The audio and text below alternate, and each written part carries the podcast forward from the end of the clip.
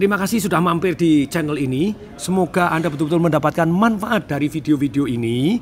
Ingat, subscribe. Sedemikian sehingga Anda bisa mendapatkan update rutin dari video-video saya dan tekan tombol notification yaitu tombol lonceng sehingga Anda menjadi orang yang pertama yang mendapatkan video-video tips saya. Dan bila video ini betul-betul membawa manfaat, silahkan share kepada teman-teman Anda yang sekiranya membutuhkan subscribe gratis tis tis tis. Semoga bermanfaat. Saya Tung Desemwaringin mengucapkan salam dahsyat. Bagaimana mencari kerja dengan kemungkinan diterima 98%?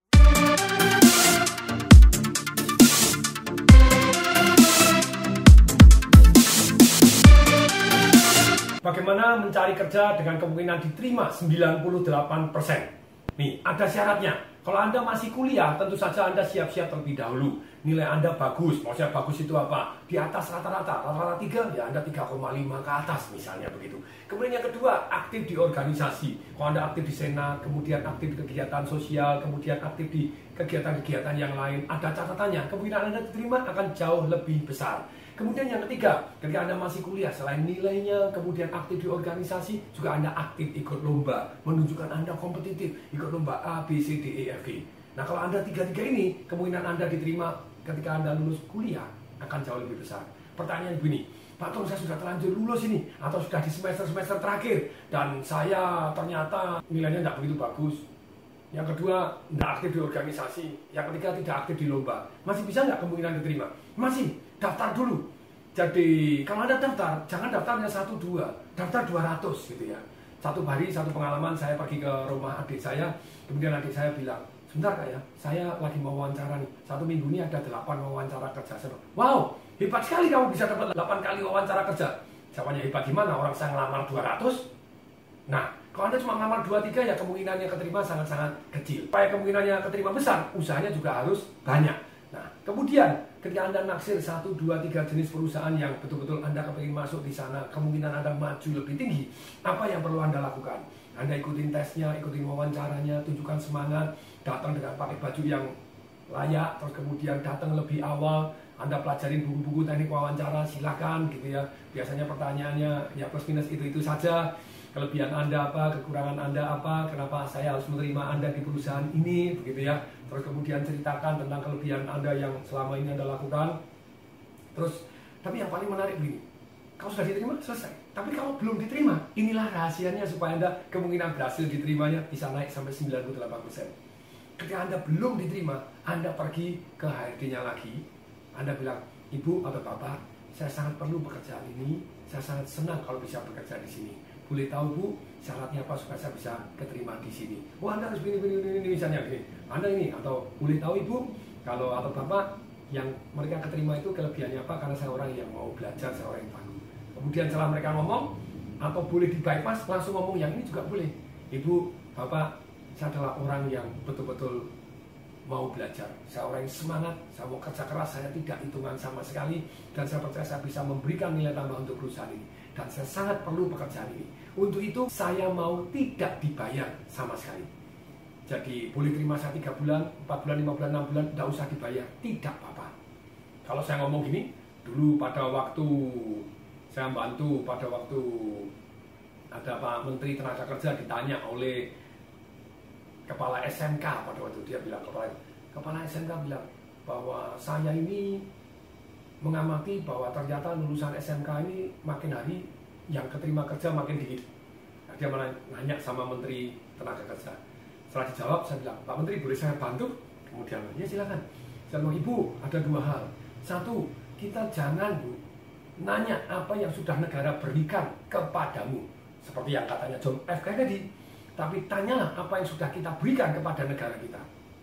Pertanyaan saya, daripada kita nuntut pemerintah, sudah belum di SMK diajarkan bagaimana cari kerja dengan kemungkinan 98 persen? Oh, ya belum. Nah itu lebih baik diajarkan. Sekarang saya share ilmunya. Ketika saya share ilmunya, orang lama kerja dan kalau tidak terima, maju lagi dan ngomong bahwa saya mau kerja, saya sungguh-sungguh, saya bisa kerja, saya orang mau belajar, saya kerja tidak hitungan, saya mau datang lebih pagi pulang paling malam juga oke. Okay. Saya mau kerja tidak perlu dibayar, entah tiga bulan, lima bulan terserah, bebas gitu ya Nah, ketika dalam hal ini kita ngomong begitu mendadak kepala sekolah SMK ini ngomong, "Eh bangkrut dong, nah, makan apa?" Pertanyaan saya terang-terangan. Kalau Anda tidak menerima kerja, Anda masih makan nggak? Ayo. Masih. Pasti masih makan. Dari orang tua Anda, dari saudara Anda, dari teman-teman Anda, Anda tetap masih makan. Sekarang pertanyaan saya, enak mana? Anda dalam posisi tidak punya kerjaan atau sudah punya kerjaan walaupun tidak punya gaji?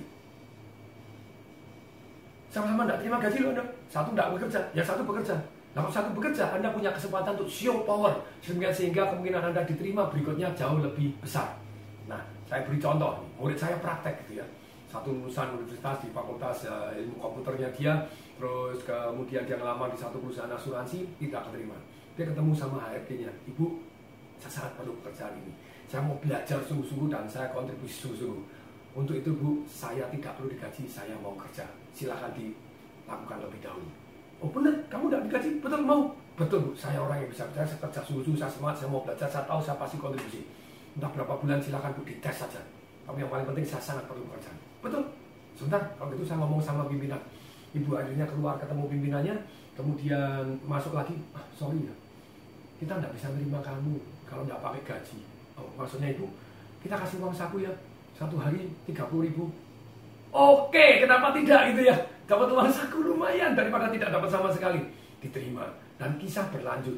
Kalau bisa berlanjut itu pada waktu itu dia nginput satu program di dalam USB ternyata USB-nya dia delete semua padahal itu ada data yang begitu pentingnya oh, dia takut sekali oh, mohon maaf dimarahin dia oke pak saya salah saya tanggung jawab saya akan input ulang jangan dikeluarkan dulu pak saya akan input ulang semuanya data-data yang begitu banyak akan saya input ulang datang paling pulang paling input sudah selesai sudah selesai kemudian dia bilang pak sudah selesai saya input ulang semua saya siap untuk dikeluarkan bosnya gimana jangan dikeluarin gimana kamu bagus ini masuk malah dia digaji lebih besar dari teman-temannya yang satu angkatan yang sudah keterima duluan jadi kemungkinan Anda akan sukses kalau Anda tidak hitungan di depan. Gaji berapa dulu, lembur berapa.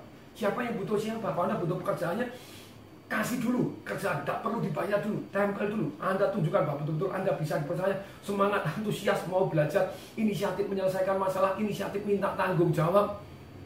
Berperilaku menyenangkan. Anda akan kemungkinan diterimanya jauh lebih besar.